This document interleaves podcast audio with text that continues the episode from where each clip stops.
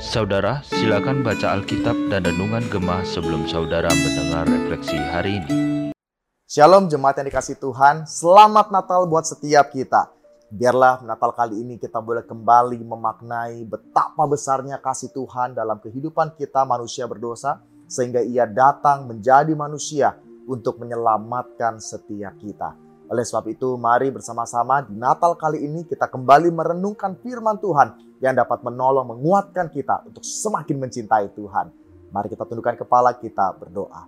Bapa di sorga kami bersyukur apabila hari ini kami kembali boleh memperingati hari kelahiranmu. Kami bersyukur apabila dalam kesempatan ini kami kembali boleh mengingat kasih Tuhan yang begitu besar di mana Engkau Allah yang begitu luar biasa, pencipta segala sesuatu, mau datang menjadi manusia di kandang yang hina untuk menebus setiap kami manusia yang berdosa.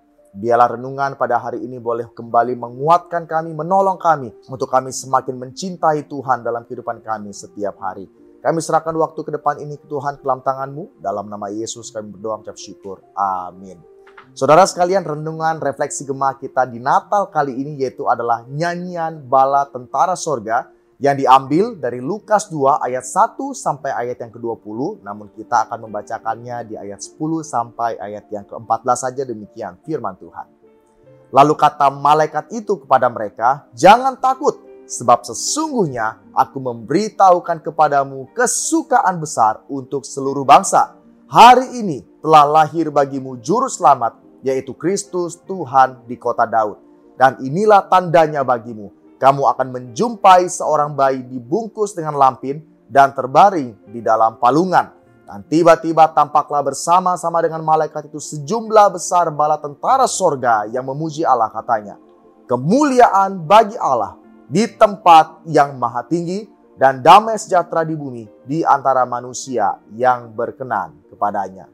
Saudara sekalian, ketika kita kembali merenungkan refleksi gemah melalui tema hari ini, kita melihat bahwa para malaikat menunaikan sebuah nyanyian yang begitu luar biasa, sebuah keharmonisan paduan suara ilahi yang menyatakan kemuliaan Allah. Saudara sekalian, kemuliaan bagi Allah di tempat maha tinggi. Itulah pujian malaikat saat Yesus Kristus dilahirkan. Sudah seharusnya segala sesuatu dalam alam semesta ini diabdikan untuk kemuliaan Allah. Itu tertulis dalam Roma 11 ayat yang ke-36. Kelahiran Yesus Kristus pun mendatangkan kemuliaan Allah. Yang menarik, pesan yang disampaikan malaikat kepada para gembala ditujukan untuk manusia. Yang pertama yaitu adalah malaikat memberitakan kabar sukacita besar kepada manusia. Kita bisa melihat itu di ayat yang ke-10. Kedua, pada hari Natal telah lahir juru selamat bagi manusia yakni Yesus Kristus di ayat yang ke-11. Ketiga, tanda bagi para gembala tentang kelahiran Yesus Kristus adalah seorang bayi yang dibendung dan terbaring di dalam palungan di ayat yang ke-12. Natal yang mendatangkan kemuliaan Allah menyatakan kasih dan kepedulian Allah kepada manusia. Walaupun semua orang telah tercemar oleh dosa dan Allah sungguh-sungguh membenci dosa, namun karena kasih Allah mengosongkan dirinya menjadi manusia yang mengambil rupa seorang hamba dan taat sampai mati di kayu salib untuk menebus kita. Hal ini kita dapat lihat dalam Filipi 2 ayat 8 sampai ayat yang ke-11. Sungguh sangat besar anugerah Allah tersebut Saudara bagian selanjutnya dari nyanyian malaikat memperlihatkan sudut pandang yang lain akan karya penebusan Yesus Kristus, yaitu memberi damai sejahtera dan shalom di bumi. Saudara sekalian, makna kata shalom adalah relasi yang harmonis antara Allah dengan manusia, antara manusia dengan sesama, dan antara manusia dengan alam. Relasi holistik yang harmonis itu merupakan kondisi yang dikehendaki Allah sejak awal mula penciptaan yang dapat kita lihat dalam kejadian pasal yang pertama ayat yang ke-31. Bila kita cermati dengan baik, relasi yang harmonis dalam keutuhan seperti itu tidak terjadi begitu saja saat kita percaya kepada Kristus. Sebagai contoh, dalam relasi dengan Allah, walaupun kita telah mengalami kelahiran baru, bisa saja kita menyembah Allah dengan setengah hati. Dalam relasi dengan sesama, biasanya manusia lebih mudah menyakiti perasaan orang yang terdekat dengan dirinya karena ia lebih berani bersikap apa adanya. Dalam relasi dengan alam, bukankah sampai hari ini manusia masih sering mengeksplorasi alam tanpa batas dan mencemari lingkungan dengan berbagai cara? Relasi yang harmonis tetap harus diusahakan oleh orang percaya damai sejahtera yang diberitakan malaikat menjelaskan bahwa damai sejahtera di bumi adalah di antara mereka yang berkenan kepadanya. Ada tanggung jawab dari pihak orang percaya untuk hidup sesuai dengan kehendak Tuhan. Anugerah Allah begitu besar, tetapi anugerah ini disertai dengan tanggung jawab dari pihak kita untuk melakukan kehendak Tuhan, supaya damai sejahtera yang sejati itu dapat diwujudkan.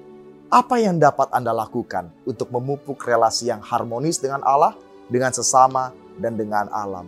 Biarlah kiranya renungan Natal pada hari ini boleh menolong kita untuk sungguh-sungguh melihat kemuliaan Allah itu seharusnya dapat dinyatakan, dapat dirasakan oleh sesama kita, oleh alam, dan tentunya terhadap Allah itu sendiri. Biarlah kemuliaan hanya bagi Allah. Mari kita tundukkan kepala, kita berdoa. Ya Tuhan, terima kasih untuk renungan hari ini yang kembali mengingatkan kami betapa mulianya Engkau ya Tuhan, sehingga Engkau Allah yang luar biasa itu mau menjadi manusia menyelamatkan setiap kami.